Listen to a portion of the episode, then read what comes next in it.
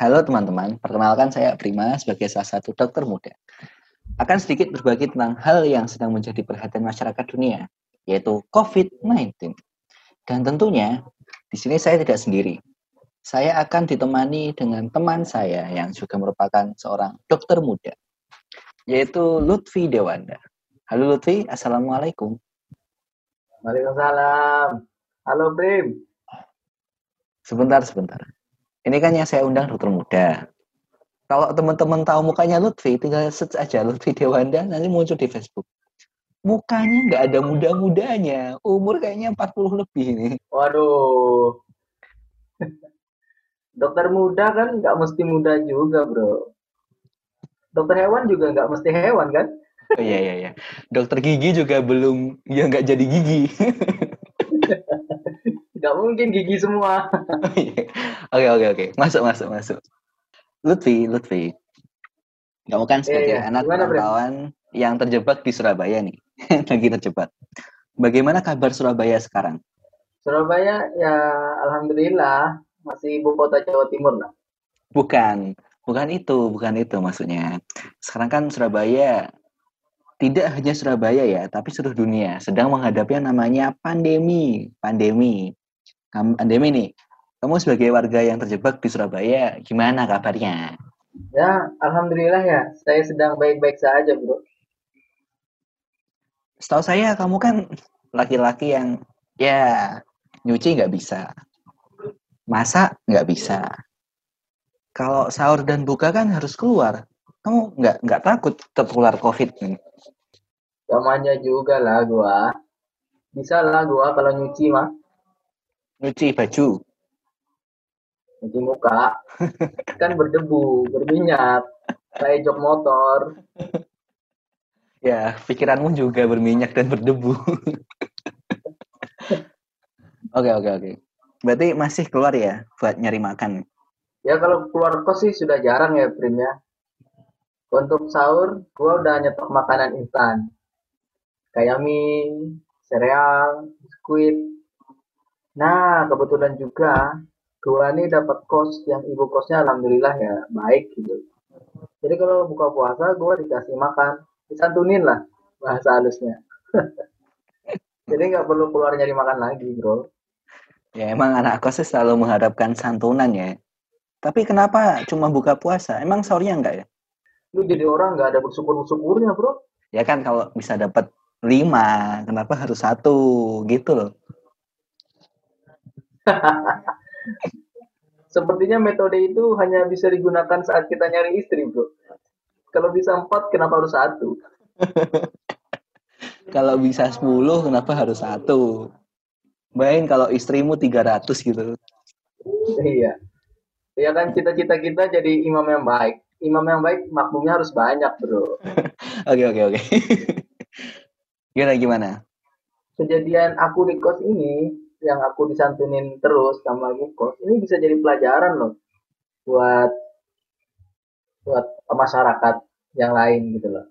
Pelajaran apa itu? Kan kita kan sudah sebagai masyarakat kan sudah mendapat anjuran dari pemerintah dan tenaga kesehatan untuk di rumah aja agar ya bisa membantu memutus rantai penularan COVID-19 ini lah. Tapi kan ada beberapa kelompok masyarakat yang tetap keluar rumah dengan alasan untuk mencari nafkah agar keluarganya tetap makan gitu. Nah, alangkah baiknya orang-orang yang memang diberi Tuhan kelebihan rezeki untuk membantu mereka sehingga uh, bisa meminimalisir lah orang-orang untuk keluar rumah sehingga pandemi ini insya Allah cepat berlalu. Amin. Amin, amin, amin, amin. Ini doamu ya lumayan baik lah sebagai seorang yang otaknya berminyak dan kotor. Kan sekarang Surabaya nih, Lut, sudah menerapkan Oh, iya. pembatasan sosial berskala besar atau PSBB. Menurutmu nih, menurutmu efektif gak sih PSBB ini untuk menanggulangi pandemi? Ya, kalau bicara efektif, insya Allah bisa lah efektif.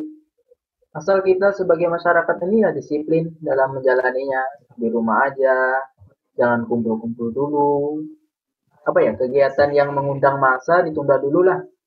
Physical distancing, hindari keramaian, pakai masker, cuci tangan, dan lain-lain lah. Tapi ya, tapi nih, kamu kan tahu sendiri tipikal masyarakat kita tuh kayak gimana. Iya ya. Pada nggak nurut semua ya. Nah itu, saya padahal kan sudah banyak yang ngasih anjuran, edukasi, sosialisasi, sampai keluar-keluar. Tetap aja ada masyarakat kita yang nggak peduli. Buktinya, masih banyak yang nongkrong-nongkrong. Kayak, ya seberang kos itu kan banyak warung kopi. Keluar rumah Tuhan tidak perlu. Dan menurutmu, apa yang membuat masyarakat kita susah buat berubah, Lut? Kalau kenapa susah berubah, ya pasti banyak faktor lah bro. Kemungkinan ya mungkin masih banyak masyarakat yang belum paham. Akhirnya persepsi mereka kurang benar gitu loh. Eh, apa yang belum paham nih? Kan udah banyak ya pemerintah, tenaga kesehatan, elemen-elemen masyarakat yang ngasih tahu kok belum paham juga kan kan aneh gitu. Ya bisa jadi ya Prim ya. Salah satu penyebab kenapa kok masyarakat itu susah berubah karena memang cara edukasi kita ke masyarakat yang kurang tepat gitu loh. Nah, ini jelasin lah yang bener tuh kayak gimana. Waduh, salah ngomong aku. Kok ampret dan jenis konflik? Untung tidak jauh mah. Kalau deket, cium kamu. Kamu tuh muda, kamu tuh muda ya. Jangan cari laki-laki. Mau muda aja yang sambil goyang. Oh iya iya. Aku nyari mamah muda aja ya. Gak ada dokter muda, mamah muda pun jadi. Oke oke oke. Ntar kalau kalau ada waktu aku cariin. Sekarang jelasin dulu. Ya gitu loh, Bram. Cara orang berperilaku atau bertingkah laku itu kan berkaitan erat dengan persepsi yang ia miliki. Dan persepsi itu dibentuk oleh pengetahuan seseorang. Contohnya nih, eh, apa ya? Ketika lu jalan gitu, lu ketemu sama orang yang lu benci, apa yang lu lakukan? Kalau nggak menghindar atau menyerangnya, mengapa lu menghindar atau menyerangnya? Karena persepsi lu terhadap orang itu sudah tidak baik. Kenapa lu menganggapnya tidak baik? Karena lu tahu dia tukang tikung misalnya, maling misalnya. Ya Karena kalau kamu tahu berpotensi kalau berpotensi Iya, iya. tikung ya sebelum nikung ku tikung duluan kan aku bisa dapat dua. Oh, iya. ya gitu Bram jadi orang itu harus orang itu harus tahu informasinya dulu terus paham biar persepsinya itu benar-benar terbentuk gitu Hmm, Oke oke oke. Paham bang. Jadi kan kita harus benar-benar ya mengubah persepsi masyarakat agar mereka menganggap COVID-19 ini sebagai masalah yang harus ditanggulangi bersama gitu. nah benar-benar pinter kamu Nah, nah pertanyaan lumayan lah. selanjutnya. Gimana cara merubah persepsi orang? Nah, seperti yang sudah aku kasih tahu tadi jadi mungkin pertama kita kasih informasi tentang suatu hal dulu ke orang lalu kita beri pemahaman akan suatu hal tersebut. Contoh nih misalnya kita kasih tahu orang tersebut tentang coronavirus. Kemudian kita kasih pemahaman mengapa kok coronavirus ini harus kita basmi? Sebegitu bahayakah coronavirus ini? Nah ketika orang itu sudah tahu paham maka orang tersebut memiliki kepercayaan atau persepsi bahwa coronavirus itu berbahaya dan memang harus dibasmi harus dicegah. Nah kalau persepsinya sudah terbentuk maka orang tersebut akan bersikap dan bertindak laku, bertingkah laku untuk mencegah coronavirus itu. menarik menarik menarik. Oke oke oke. Sekarang cobalah jelasin lalu tentang COVID-19 kepada kita semua sampai kita tuh paham. Nah, agar kemudian kami bisa bersikap dan bertingkah laku menjauhi dan mencegah COVID-19. Nah, Kok jadi aku lagi, Brim? Kamu lah, gantian gitu. Sebentar kan tadi kan perjanjiannya di awal, bukan maksudnya nggak di sini, di forum yang lain. Di pertemuan selanjutnya aku, sekarang kan kamu dulu. Ayolah, jelasin Apa nih yang mau dijelasin nih? Apa dulu nih? ini. Apakah sama coronavirus sama COVID-19? Beda, bro. Kalau coronavirus itu kan nama sekelompok virus yang menyebabkan infeksi pernapasan ringan sampai berat. Kamu ingat gak dulu tahun 2003-2004 lah ada penyakit SARS, MERS. Ingat nggak? Nah itu kan semua penyakit-penyakit itu disebabkan oleh coronavirus juga. Nah kalau COVID-19, COVID-19 itu itu nama penyakit memang. Jadi penyakit COVID-19 ini memang baru ditemukan bulan Desember tahun 2009 tahun 2019 di Wuhan, Cina. Nah, yang menyebabkan COVID-19 ini itu virus corona juga, tapi eh, jenisnya SARS-CoV-2. Kenapa kok SARS-CoV namanya SARS-CoV? Karena memang virus penyebab COVID-19 ini sama dengan virus penyebab SARS yang dulu pada tahun 2003. 2003. Namun persamaannya itu hanya sekitar ya 70% hmm. lah. Oke oke oke oke. Makanya disebut SARS-CoV-2. Makanya Jadi nggak sama-sama amat lah. Makanya di namanya baik beda ya. COVID-19 ini kan ditemukan pertama kali di bulan Desember 2019 di Wuhan. Nah, kenapa ya kok sekarang nggak cuma di Wuhan tapi di seluruh dunia bahkan Indonesia yang dulu masyarakatnya nggak seberapa takut sekarang juga ada yang sakit gitu nah ini bro penyakit ini sebenarnya tidak terlalu bah berbahaya ya tapi ya sangat-sangat infeksius gitu mengapa aku sebut tidak berbahaya karena menurut WHO sendiri 80% orang yang terinfeksi COVID-19 ini bisa sembuh loh, tanpa perawatan khusus.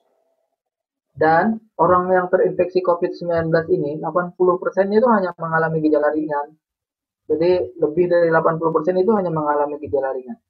Bahkan 15% dari 80% tersebut tidak bergejala sama sekali, atau yang kita kenal dengan OTG. Nah, namun terlepas dari itu, memang COVID-19 ini sangat infeksius, jadi sangat menyebar dari satu manusia ke manusia yang lain. Menyebarnya itu lewat droplet. Droplet itu percikan air liur atau dahak. Saat seseorang itu batuk, bersin, bicara, tertawa, kan ada kan orang-orang yang kalau ngomong itu hujan, yang lain pada menjauh gitu. nah itu, itu adalah cara menularnya COVID-19. Jadi lewat droplet, percikan air liur atau dahak. Hmm, terasa kayak badai ya hujannya. Tadi kan iya. disebutkan nih bahwa COVID-19 menularkan lewat droplet atau percikan dahak dan air liur. Tapi ada beberapa berita beredar bahwa COVID-19 ini bisa menular atau menyebar lewat pandangan mata. Kayak ya pandangan mata, paket barang, sinyal HP, makanan-makanan beku, makanan es krim, ayam, bahkan ada yang ngomong berenang, feses kita nyamuk lewat juga itu menurutmu gimana? Ya saya aku bisa pastikan ya semua itu tidak benar atau hoax ya. Pokoknya sekali lagi saya tekankan kalau COVID-19 ini memang menyebarnya lewat droplet atau percikan air liur atau dahak. Memang ada dua cara penularannya. Penularan secara langsung dan tidak langsung. Uh, penularan secara langsung itu misalnya ada orang bersin, lalu air liurnya terpercik ke kita langsung lalu mengenai mata, hidung, mulut yang itu merupakan jalan masuknya virus corona itu itu adalah penyebaran langsung uh, penularan secara langsung tapi ada juga yang uh, penularan secara tidak langsung jadi misalnya ada orang bersin ada batu lalu air liurnya terpercik ke meja lalu orang-orang yang lain itu menyentuh meja tersebut Lalu orang yang menyentuh meja tersebut mengucuk-ngucuk matanya, hidungnya, mulutnya tanpa mencuci tangan terlebih dahulu. Itu bisa menimbulkan, bisa tertular, tertular virus corona COVID-19 ini. Itu merupakan cara penularan tidak langsung. Nah, makanya, makanya itu kan kita kenal lah cara pencegahannya, pencegahan COVID-19 ini misalnya physical distancing, jaga jarak, Nah, itu tujuannya apa sih? Nah, itu agar orang-orang yang bersin, kan bersin ini kalau orang bersin itu kalau laki-laki yang bersin, wah, percikan air liurnya itu bisa mencapai 1 sampai 2 meter. Bisa ya? Kok kok bisa? Bisa, ya? bisa. Kalau cowok mah. Tapi kalau perempuan kan sok manis biasanya. Oh iya iya iya. Jadi kalau bersin, wah kecil banget suaranya. Hacis. Wah. sampai ditutupi. Itu, itu enggak sampai enggak sampai satu meter lah mungkin. Nah, oleh karena itu kita harus jaga jarak dengan orang-orang agar percikan air liur saat dia berbicara batuk persen itu nggak sampai ke kita gitu loh. Lalu ada juga yang menyuruh kita pakai masker. Nah itu pakai masker kan biar kalau kita batuk bersin kita nggak menularkan orang lain. Dan juga masker itu bisa untuk mencegah kita tertular dari orang lain juga kan. Oh, iya, iya, iya. Terus kan jalan-jalan masuknya kan ada mata mukosa lah mata hidung mulut. Nah kalau hidung dan mulut kita tutup pakai masker kan. Nah kalau mata kita tutup pakai apa nih? Masa pakai helm full face semua orang-orang kan nggak mungkin kan? Iya, nggak mungkin, nggak mungkin, jadi mungkin. mungkin mungkin bisa disiasati pakai kacamata pakai goggles dan lain sebagainya. Nah terus yang penting itu cuci tangan. Karena cuci tangan ini memang seperti yang aku jelaskan tadi bisa untuk mencegah penularan secara tidak langsung. Jadi kan kita nih sering nih megang-megang megang gagang pintu saklar listrik meja-meja pokoknya benda-benda mati. Ya, megang teman. nah kita megang-megang teman ya kan? Goda-godain orang. Kita tidak tahu apakah benda mati itu ah, apa terkontaminasi dengan liur seseorang. Jadi kita harus sering-sering cuci tangan. Gitu. Apa jangan dan jangan sering-sering menyentuh menyentuh mulut hidung mata. Kalaupun menyentuh harap cuci tangan dulu dan setelahnya juga harus cuci tangan. Seperti itu. Oke, oke, oke, oke, oke. Terus apa lagi ya? Nah tadi kan ada juga nih yang hoaxnya itu apa tuh? Melalui gigitan nyamuk dan lalat. Ah, bisa Itu gigit juga- nyamuk dan lalat kan? Lalat nggak nggak gigit lalat tuh cuman nempel-nempel doang Dut. Makanya itu juga tidak benar. Karena coronavirus ini memang memang ya coronavirus ini sekelompok virus yang biasanya ada pada binatang. Seperti SARS, MERS dulu. SARS itu kan kaitannya dengan eh, dikaitkan menularnya lewat musang dari musang itu. Tahu kan musang? tahu tahu Mu, musang musang hewan kan maksudnya Musang. eh Ya musang lah. Muslimah merangsang. Pasti. Kesebut kan? Dulu sih. udah otakmu yang berminyak dan kotor itu sembunyikan dulu Nah, kalau MERS kan ditularkan lewat unta. Nah, kalau COVID-19 ini juga lewat, ditularkan lewat hewan juga, tapi hewan penular COVID-19 ini belum bisa di- diidentifikasi sampai sekarang. belum bisa ya oh ya Iya, tadi belum ada yang bisa. belum menjawab Sulut kalau feses gimana Lut feses Kalau VSS itu memang ya virus-virus virus-virus tersebut, coronavirus itu memang ada di VSS. Memang ada di VSS. Cuman sekali lagi itu tidak menularkan. Yang menularkan itu memang dari droplet. Jadi dari percikan air liur dan dahak. Iya sih, kalau misalnya dari feses, mana ada orang yang saking isengnya pengen nularin coronanya, ambil fesesnya itu terus dilempar ke orang-orang kan juga nggak mungkin ya. Nah iya iya. Mungkin.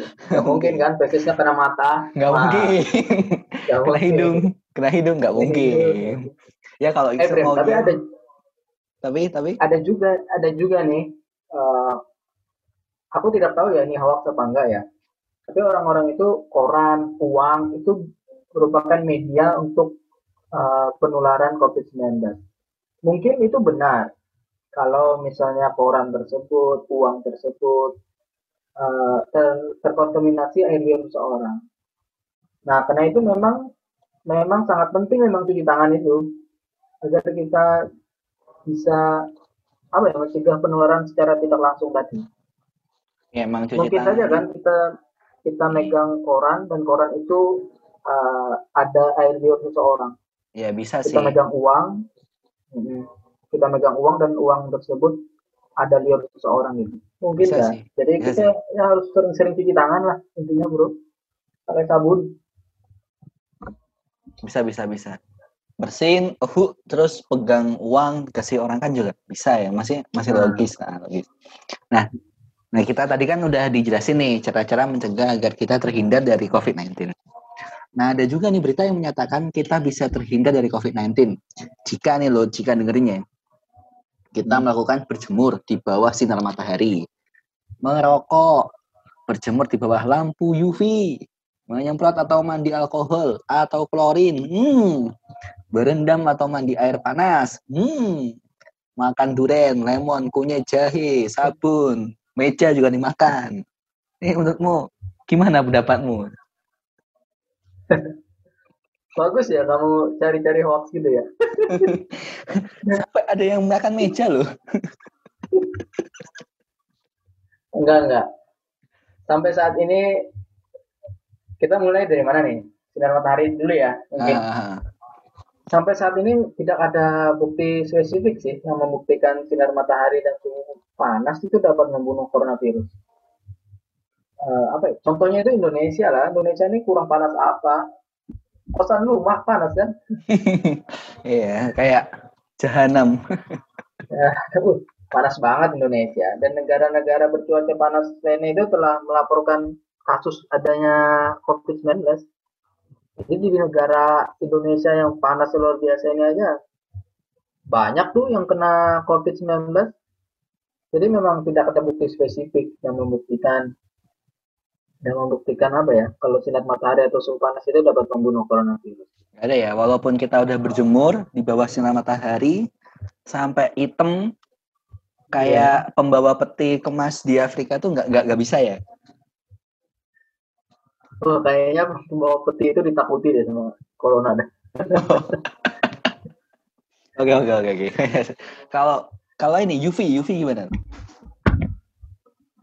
Memang ada sih dulu apa berita kalau sinar ultraviolet ini bisa sebagai desinfektan, tapi itu juga tidak benar dan menurutku ceroboh banget ya sembarangan banget orang menggunakan cara itu. Karena kan radiasi ultraviolet berbahaya memang untuk kesehatan kulit kita. Iritasi bro.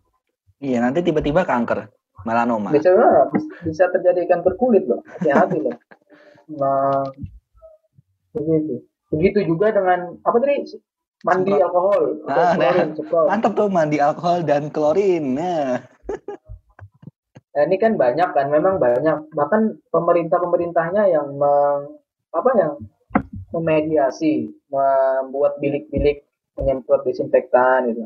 Iya, Terus polisi-polisi polisi-polisi menyemprot jalan-jalan gitu. Gak berguna, Bro. Maksudnya apa ya? Tidak tidak benar. Alkohol dan lain-lain kayak klorin itu itu sebenarnya digunakan untuk desinfektan untuk benda-benda mati untuk mencegah penularan yang tidak langsung yang seperti yang aku jelaskan sebelumnya tadi. Hmm. Jadi bukan untuk kulit kita, bukan untuk langsung disemprotkan ke badan gitu. Tapi ya, kalau, untuk benda-benda mati, benda-benda nah, mati untuk kalau, kalau orangnya bawa pakai pakai baju tertutup boleh lalu ya? Oh ya, bajunya yang disemprot ya kan? Nah. Nah, ya. Boleh lah. Tapi kalau kulit? Kalau kulit jangan iritasi juga bro. Tidak bagus kan untuk kesehatan kulit. Iya gatel loh. Bahaya. Aku, aku tuh pernah itu di kan ya di tempatku disemprot gitu. Lewat disemprot tapi ya akhirnya gatel selanjutnya nih kalau berendam atau mandi air panas. Gimana gimana? Yang ada lu mah lempuh semua badan lu. Tiba-tiba rambutnya rontok gitu kayak ayam. Ada rontok. Malah dibawa ke spesialis udah plastik tuh. Kenapa ya? Karena seberapapun panas airnya yang kita gunakan, kita tuh tubuh kita tuh mempunyai mekanisme untuk penyesuaian suhu tubuh dengan suhu luar. Jadi hmm. seberapapun panasnya air yang kita gunakan, suhu tubuh kita tuh tetap segitu-gitu aja ya 36 sampai 37 derajat Celcius lah. Makanya kalau terlalu panas itu ya berbahaya juga untuk kulit. Bisa lepuh terbakar dan lain sebagainya. Tiba-tiba rontok gitu. Tiba rontok. Iya macam ayam potong yang dikasih air panas tuh. Iya yang mau dicabut kulitnya ya. Iya. Nah kalau apa tadi? Ada makan makanan durian lem apa? Lemon ah, kunyit yang terakhir tuh jahe. makanan. Uh, kalau makan buah-buahan itu memang disarankan apa ya tapi untuk bukan untuk mencegah corona karena kan sejatinya makan banyak makan buah-buahan dan sayur-sayuran itu disarankan karena bagian dari gizi sehat dan seimbang kan oh siap siap tapi Tapi kan bukan untuk mencegah terjadinya corona, itu belum ada pembuktian lah, belum ada yang bisa membuktikan. Kecuali jadi kita memang harus banyak makan buah dan sayur. Karena itu agar gizi kita tetap sehat dan seimbang. Kecuali orang-orang yang gemuk ya, yang dan obesitas kayak kamu loh. Oke. Itu menghindari menghindari buah-buahan yang tinggi kalori seperti durian, cempedak, pisang, alpukat dan lain-lain. Pokoknya tinggi kalori lah. Termasuk buah semangat. Oh iya. paham Oke, saya paham. Oke oke oke. Sepertinya mulai berdebu dan berminyak juga deh. Oke oke oke. Lanjut. Kalau rokok, kalau rokok gimana tuh? Kayaknya kamu dulu pernah cerita deh, yang temenmu ada tanya itu. Terus kamu aja lah yang jawab. Iya, boleh boleh. Kan ada yang tanya. Tanya nih lo, tanya. Bagus tanyanya. Prim, aku tuh perokok. Gimana? Bisa membunuh kan virus-virus di dalam paru-paru. Aku tuh mikir. Mikir, ingat-ingat. Sebentar. Emang virus bisa batuk? Bisa kanker? Virus bisa batuk-batuk terus mati itu kan nggak bisa. Logikanya di mana? gitu. Nggak ada virus perokok pasif ya kan? nggak ada nggak ada nggak ada virus perokok pasif justru nih ini menurut yang sudah kita lihat ya karena virus ini masuk ke ACE2 reseptornya dan ACE2 itu ada di primosid type 2 semakin kita ngerokok primosid type 2 itu semakin banyak. Jadi semakin banyak ACE2 yang diproduksi jadi ya tempat entry-nya tempat masuknya itu makin banyak. Jadi virusnya makin banyak dong pintu masuknya. Ya bagus tuh. Masuk ke sel terus produksi. Banyak teman-temannya keluar lagi masuk lagi. Ya mohon maaf nih mohon maaf bukannya aku menyalahkan pendapatmu kalau virus itu bisa batuk tapi enggak justru lobangnya dia buat masuk tuh makin banyak. Jadi apa ya? Intinya jadi makin rentan lah untuk terkena Iya. infeksi COVID-19 ini. Iya Bagi masa perokok. virus mau kanker kan juga nggak mungkin. Aduh Ah, iya bro. Terkadang masyarakat itu ya apa ya? Bilang bahasa halusnya goblok lah. Apa? ya, tapi nggak semuanya lah nggak semuanya nggak semuanya nggak semuanya. Buktinya ya, buktinya, buktinya merokok di lapangan ya. Merokok itu kegiatan yang mematikan memang. Bahkan dari WHO bilang ya, lebih dari 8 juta loh kematian per tahunnya akibat rokok. Dan rokok juga berkaitan erat dengan terjadinya penyakit tidak menular, kayak stroke, penyakit jantung koroner, Iya sih. kanker. Iya iya iya iya. Masuk banget nih. Tapi ya gimana ya? Susah emang apalagi rokok juga masih jadi pendapatan terbesar, eh bukan terbesar sih, salah satu pendapatan buat pemerintah. Ya mungkin perlu waktu lah, perlu waktu. Iya, iya. Eh, ini Eh, ini ada hoax nih. Dia menyatakan Apalagi? jika kita menahan napas selama 10 detik atau lebih tanpa batuk atau merasa tidak nyaman, berarti kita terbebas dari COVID-19 dan penyakit pernapasan lainnya. Gimana nih, gimana nih? Ngawur. Ngawur. Dapat dari mana sih kamu? Ya dapat dari Ya. WHO lah. Gak bener bro. Sumpah, sumpah. Ngawur. Pasti ajaran nening sih. Datang habis ini izin nampol kita loh. Jangan ngomong-ngomong tentang dia lah. Oh iya. Dokter itu kalau mendiagnosis seseorang yang mempertimbangkan banyak hal. Mempertimbangkan informasi-informasi yang didapat dari wawancaranya dengan pasien, pemeriksaan fisik, pemeriksaan penunjang, foto ronsen, cek, da- cek darah, rapid test, PCR, begitu. Nah, Baru dokter bisa mendiagnosis. baru bisa ya. Ini Ya, kamu kamu barusan ngomong. Kalau rapid test tuh gimana? Banyak kekurangan dan kelemahan nggak? Atau lebih justru lebih banyak positifnya? wah mancing nih, mancing nih. Apa ya? Bukan kelemahan ya rapid test itu. ya kurang efektif aja menurutku. Coba kamu lihat alur diagnosis COVID-19 nih kalau pakai rapid test. Yang Orang yang di ne-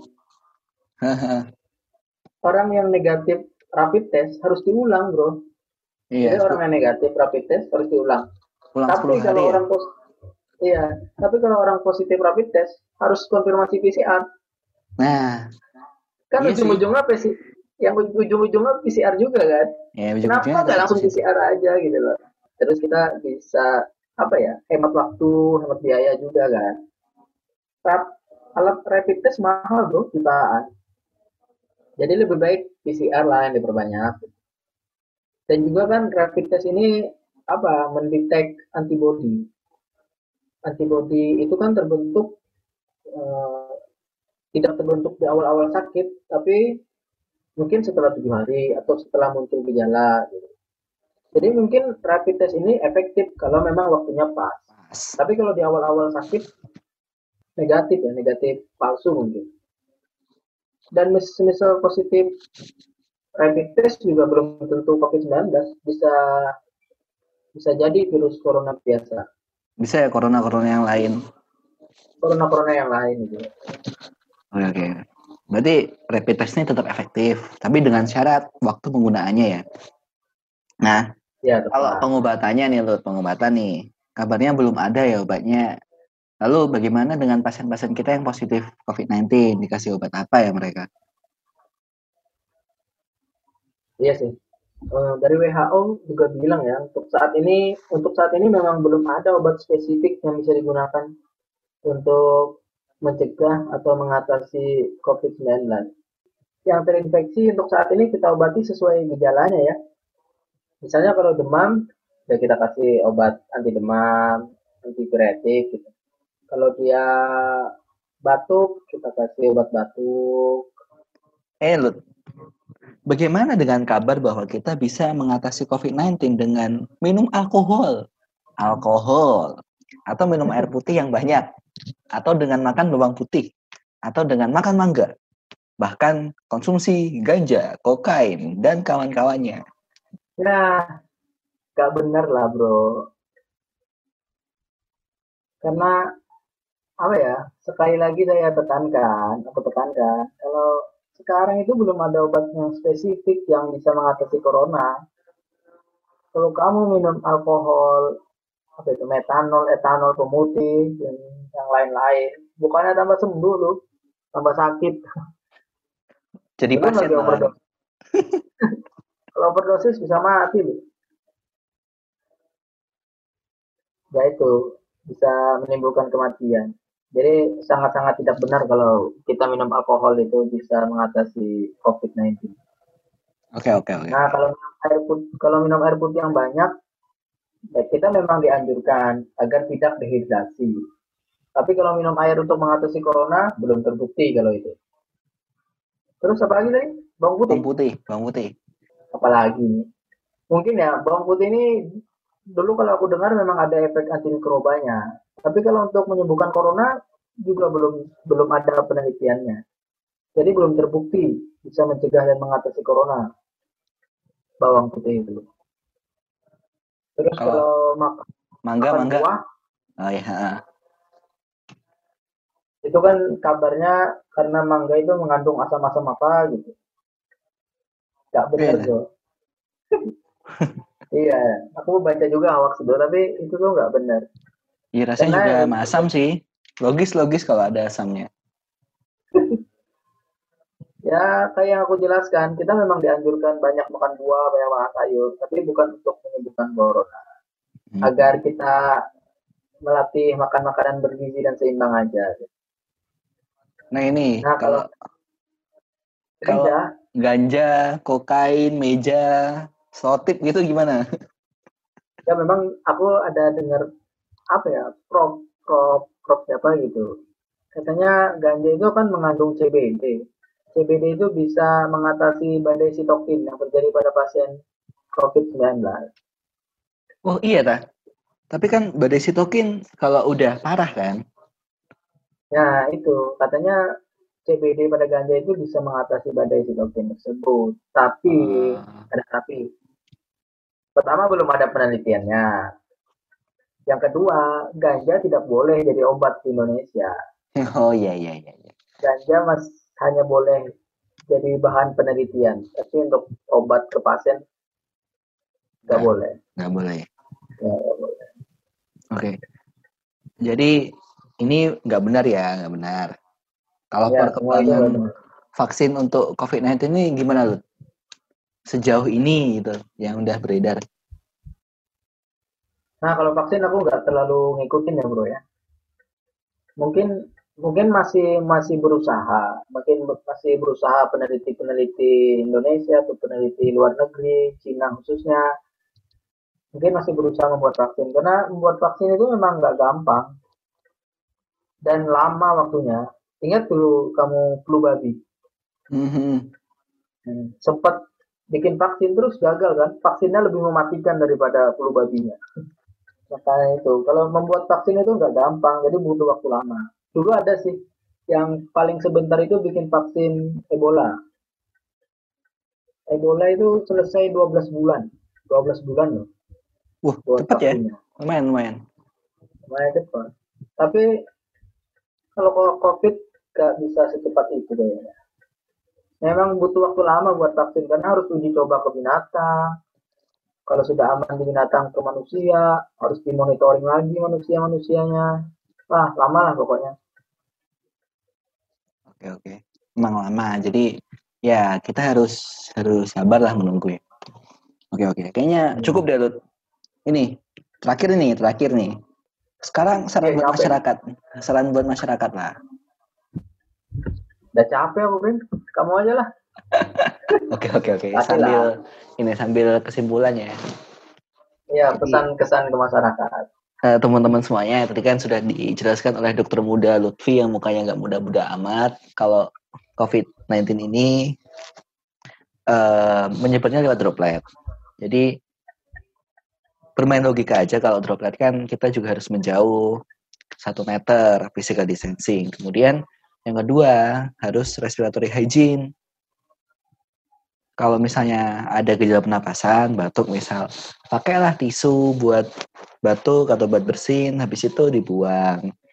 Pun setelah itu jangan sampai teman-teman tiba-tiba pegang pegang tisunya tadi, pegang tisunya tadi yang udah ada air liurnya, terus gosok-gosok lah ke mata, hmm, masuk ah dari situ gitu. Selanjutnya nyambung lagi physical distancing, respiratory hygiene. Selanjutnya adalah hand hygiene. Jadi misalnya kita memegang sesuatu atau contohnya tadi lah pegang tisu yang sudah ada ingusnya, kita cuci pakai sabun karena strukturnya corona itu memang memang gampang mati kalau kena sabun gitu. Cukup ya, Lut? Cukup ya? Satu lagi, Bro. Kayaknya kalau itu kalau masyarakat masyarakat itu nggak bisa mengerjakan satu aja. Maksudnya satu satu misalnya cuci tangan aja, tapi nggak pakai masker, Hmm, iya, iya, nggak jaga jarak, nggak bisa. Itu kalau universal precaution itu ya nggak bisa single ya, harus banyak. Memang harus semuanya kita patuhi. Harus Jaga semuanya kita jarak. patuhi. Ya, jaga jarak, terus apa lagi? Pakai masker, cuci tangan, etika batuk, nggak menjelaskan tadi. Ya semuanya harus dipatuhi. gitu. nggak bisa cuma satu aja gitu ya. Oke oke baik Eh, sekian teman-teman semoga yang kita bicarakan hari ini bisa bermanfaat bagi banyak orang. Eh, kalau misalnya teman suka silahkan subscribe dan ikuti akun ini selanjutnya. Lut, ada yang kamu sampaikan? Oke, assalamualaikum. Waalaikumsalam.